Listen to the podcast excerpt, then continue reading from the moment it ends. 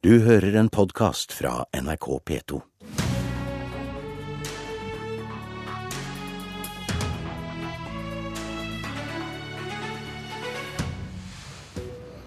I det røde hjørnet LO-leder Gerd Kristiansen. I det blå hjørnet arbeidsminister Robert Eriksson. En krigserklæring, sier LO om at regjeringen vil tillate flere midlertidige jobber.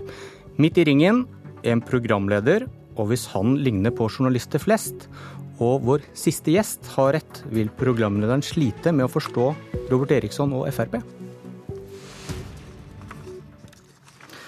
LO-leder Gerd Kristiansen, hender det at du har lyst til å slå?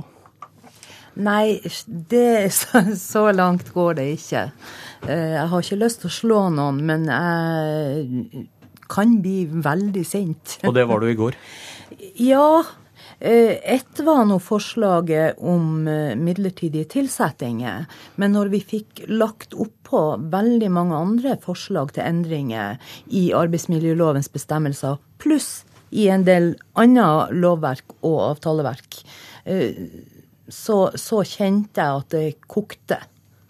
Regjeringen vil åpne for at bedrifter kan ha folk på midlertidige kontrakter opp mot ett år. Men du kan da ikke være overrasket over dette? Det var det de borgerlige lovte, og det var det et flertall av velgerne bestilte.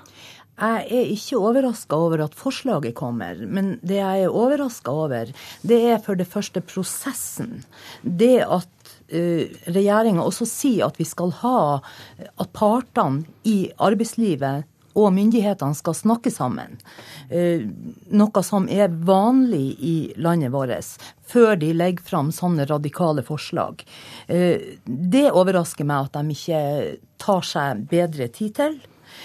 Og så overrasker det meg at regjeringa vil utvide dette med midlertidig ansatte Altså det er over 10% av arbeidsstokken som konstant er midlertidig ansatt i dette landet. Men hvorfor tror du de ventet til etter lønnsoppgjøret da, med å ta dette? Nei, Det er klart det ville vært enda mer provoserende midt i et lønnsoppgjør. Så av hensyn til norsk økonomi, så må jeg jo si at jeg er glad for at de venta til etter lønnsoppgjøret. Arbeidsminister Robert Eriksson fra Fremskrittspartiet. Du ble overrasket over den kraftige reaksjonen fra LO? Ja, jeg blir veldig overraska over at man legger seg på en sånn type retorikk. En sånn type eh, måte å argumentere på, bruke de ord man bruker. Fordi at jeg og Gerd Kristiansen vi hadde en hyggelig tur vi 15.11. Eh, langs Akerselva. Eh, I VG 16.11. så står det, det at der vil jeg vurdere å gjøre noe med midlertidig ansettelse. Åpne opp for en generell adgang for å slippe flere inn i arbeidslivet. Eh, da sier Kristiansen at du ønsker å opptre konstruktivt. Eh, der viser jeg til at det kan være aktuelt å innføre ni måneders eh, generell adgang, eller tolv måneders generell adgang. igjen, Kristiansen vil opptre konstruktivt. Og så begynner man da å reagere på prosess. Altså, Vi har et arbeid- og pensjonspolitisk råd i Norge. Der, og Regjeringa har ikke foreslått noen verdens ting. Der samles partene i går der informerte jeg partene om hva jeg ønsker å sende ut på høring. Og så vil prosessen starte. Den starta i går, den. Eh, og så vil vi på bakgrunn av den reelle prosessen som vi nå har satt i gang, fremme forslag i løpet av høsten.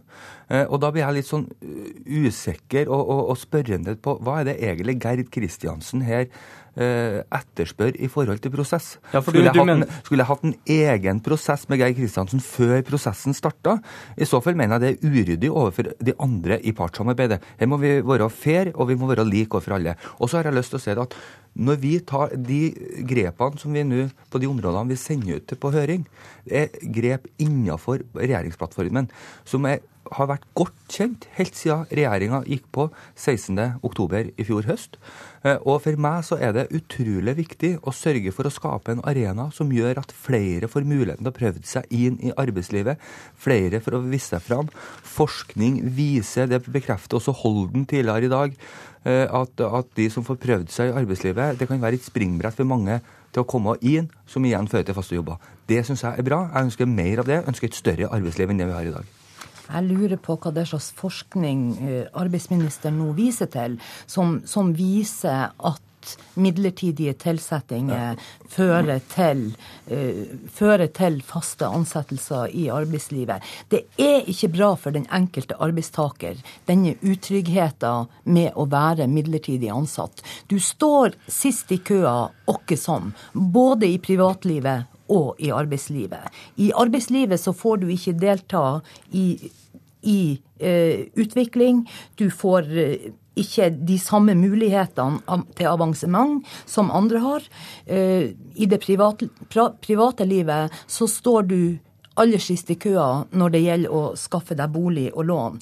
Det, det betyr utrygghet. Og det betyr også uh, utrygghet på den enkelte arbeidsplass. Det, det viser seg jo at produktiviteten går ned jo flere midlertidige ansatte du har. Så, så dette er ikke noe, noe vinn-vinn-situasjon. Vi, vi, får høre med Eriksson hva slags belegg han kan slå i bordet med. Ja, for det første kan jeg vise til Fafo-rapport 430, og så kan jeg vise til SSB sin forskning som viser det at uh, de som har vært ett år i midlertidig ansettelse, 50 uh, av dem er tilbake i faste jobber. Det viser bl.a. også storting, referert i stortingsmelding 29 som, uh, som den forrige regjering la fram.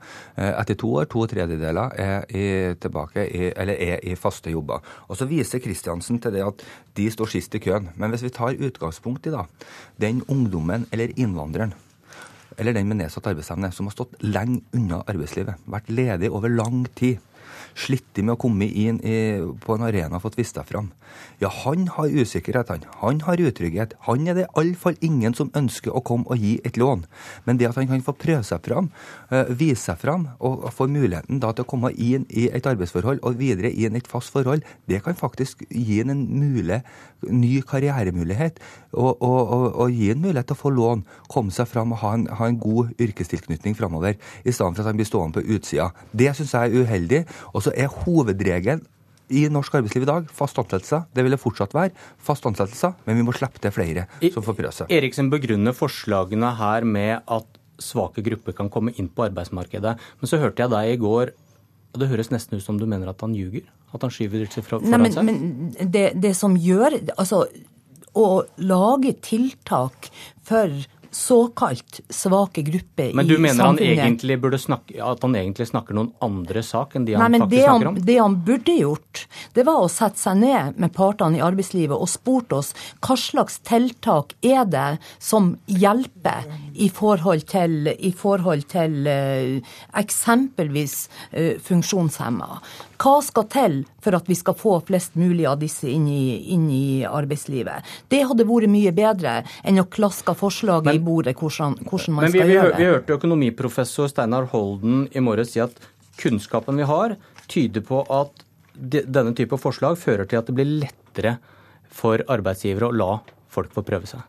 Men hva risikerer man dersom man åpner for mer midlertidige ansettelser enn det man har i Norge i dag? Vi har allerede over 10% Men Holden sier at forskningen viser altså at terskelen senkes. Jeg er ikke så sikker på det. Men du undergraver i hvert fall dette med at hovedregelen er fast ansett, faste ansettelser. Eh, sakte, men sikkert. Robert Eriksson, vi, har, vi, altså, vi, vi kan jo kikke utover landets grenser. Vi kan kikke til Tyskland, f.eks. Eh, der der hovedregelen nå er blitt midlertidige ansettelser. De er oppe på over 70% og de har også gått gradvis ifra der hovedregelen var faste ansettelser, og til det de har i dag. Hva, Så vi kikker jo utover landets grenser. Hva gjør du, Eriksson, hvis det det ender opp med, fører til at uh, andelen midlertidige jobber øker? Ja, hvis, hvis arbeidslivet som sådan utvikler seg med, eller utvider seg, at det blir flere som får prøvd seg, så er det det som er hele poenget for regjeringas politikk. Men hvis det, det, færre fast, hvis det, blir færre faste jobber ja, og flere midlertidige, selv om flere da kommer jo, inn i arbeidslivet? Jo, men så må du huske på det at Vi har sendt ut tre forslag på, på høring, og vi kan sende ut tre forslag på høring. Så vi inviterer nå partene til å bli med og sette seg ned og diskutere med oss hvordan vi skal gjennomføre i forhold til regjeringsplattformen. Så den invitten kom i går, den til Gerd Kristiansen. Den invitten hun savner. Hun hun etterlyser, den kom på det møtet i går. I går var startskuddet. Eh, og, og, og så har vi ramma inn det her ganske godt, sånn at man ikke kan misbruke de ansatte som er på midlertidig ansatte. Vi snakker om en, en periode på ett år. Eh, og, og, da må arbeidsgiver ta stilling til om man skal ansette fast eller ikke.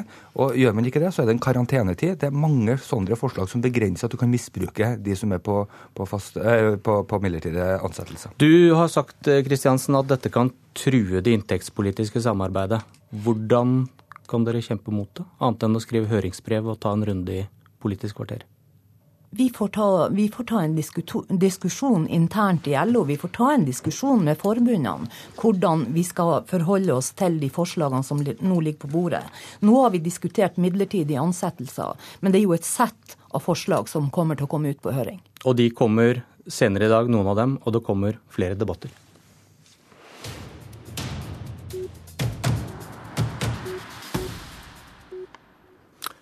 Ove Vanebo fra Minerva, velkommen til Politisk kvarter. Takk.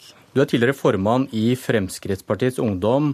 Du skrev nylig at journalister har problemer med å forstå Fremskrittspartiet. og da må jo første spørsmål bli fant du støtte til din teori i det du nettopp hørte? Nei, altså, jeg, jeg, tror nok eh, Jeg vet ikke om dette er så spennende for, eh, for journalister å vise skillene sånn sett. Men eh, det som jeg syns er, er, spennende, er hvorfor det er sånn at det er såpass få journalister som stemmer på Fremskrittspartiet. Eh, for det er jo en etablert sannhet at eh, hvis journalistene hadde hatt stemmerett, så ville ikke Frp hatt en eneste representant på Stortinget. Og Da er det jo interessant å se litt på de mer underliggende strukturene, som da sikkert bidrar til at, til at det er sånn. Og Da mener jeg at det er, ut fra det jeg har sett, hovedsakelig tre ting. Det ene er at det er en ganske stor avstand eh, når det kommer til sosial og kulturell bakgrunn, eh, hvis du da sammenligner Frp-er og den typiske journalist. Eh, journalisten har ofte foreldre med høy utdanning. Frp-eren kommer typisk fra en mer arbeiderklassebakgrunn.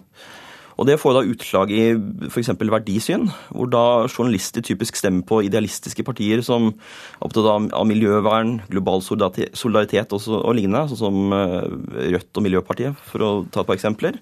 Mens Frp-ere ofte har mer materielle, konkrete verdier og er mer opptatt av de nære ting. Eh, så er det sånn at eh, Ofte så er journalistikken å, å avdekke avvik og finne, ut, finne avvik fra det som er god skikk. Mens Frp-ere ofte vil ha en mer avslappa holdning til eh, ikke hva som er rett og galt, men eh, man vil ha, et syn på at eh, det er lov å gjøre feil, og det, det kan skje alle. Og det siste jeg tenker spiller en rolle, er naturligvis at det er et sosialt press. Sånn er det i alle profesjoner og yrker, at du påvirkes av dem du jobber med, og sånn vil det også være blant journalister.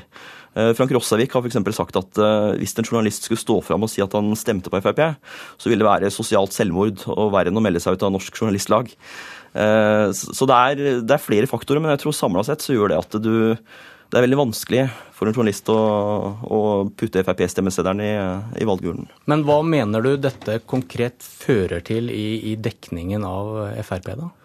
Så en, eh, det som Frp-ere ofte sier, er at de, de føler seg dårligere behandla og eh, ikke akkurat driti ut, men i hvert fall at, at, de mener vinklingen er skeiv. Men er det, er det, ikke sant, Man, Vi har jo hørt Carl I. Hagen i alle år, og ARK. Mm. Eh, venstrevridde journalister. Handler det om at journalister ikke liker Frp-politikken, eller som du, som jeg forstår deg, konkluderer i din tekst med at de ikke forstår dem? At de ikke forstår på en måte rasjonalet bak det de gjør? Det er nok litt begge deler. Eh, jeg, jeg syns jo det er helt legitimt at Frp tas hardt i, i debatter og, og, kjøres, for det, det, er jo journalistens jobb å avdekke svakheter i politikken. Men eh, det er ofte sånn at eh, hvis vi har en, en mening fra før av, så har vi lettere for f.eks. å avvise en, en, forskningsrapport som går i motsatt retning av hva vi sjøl mener er riktig. Motsatt så er det også sånn at vi lettere aksepterer forskning som allerede bekrefter det vi veit, eller det vi tror er riktig. Eh, så jeg, jeg, tror, jeg, tror, ikke nødvendigvis det er, det er noe skade at uh, Frp kjøres hardt, men jeg tror at hvis journalister lettere avviser politikken, og, og også fremstiller den dårligere fordi de helt klart bare får bekrefta fordommene sine, så kan det være et problem. Men, og, og det store clouet da for de som er opptatt av det, hva kan gjøres? Jeg tror at selvfølgelig at man bør være klar over at de mekanismene er der. altså At det sosiale spillet alltid vil være i bakgrunnen. Men så er det også sånn at eh, jeg mener at vi som er, er Frp-ere, også må kanskje være dyktigere til å, til å, tydeliggjøre hva vi mener, og, og forklare ting bedre. Det er jo selvfølgelig også en ting. Og så er det sånn at uh, kanskje er det en del Frp-ere som velger å bort å bli journalister fordi de det finnes andre ting som er mer interessant, og da må man bare sende inn flere lesebrev og være mer aktiv på den fronten. F.eks. jobbe i Minerva. Takk, Ove Vanebo. Politisk kvarter er slutt. Jeg heter Bjørn Myklebust. Du har hørt en podkast fra NRK P2.